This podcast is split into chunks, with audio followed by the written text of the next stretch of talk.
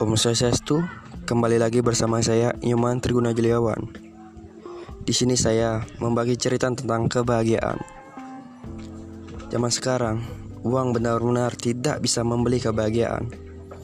Orang kaya belum tentu bahagia, sebaliknya orang miskin belum tentu menderita. Korelasi yang keliru antara uang dan kebahagiaan ini dapat menyebabkan beberapa orang berjuang mendapatkan penghasilan yang lebih tinggi berharap lebih banyak uang akan membawa lebih banyak kepuasan dalam hidup, tapi tidak. Ironisnya, perjuangan ini tidak bisa datang dengan mengorbankan kebahagiaan saat ini. Dengan membeli banyak barang, tidak membawa kesenangan abadi. Sukacita memudar seketika orang terbiasa dengan barang-barang baru. Sebenarnya, memberi bantuan kepada orang lain justru akan membuat lebih bahagia. Jadi, uang tidak bisa membeli kebahagiaan.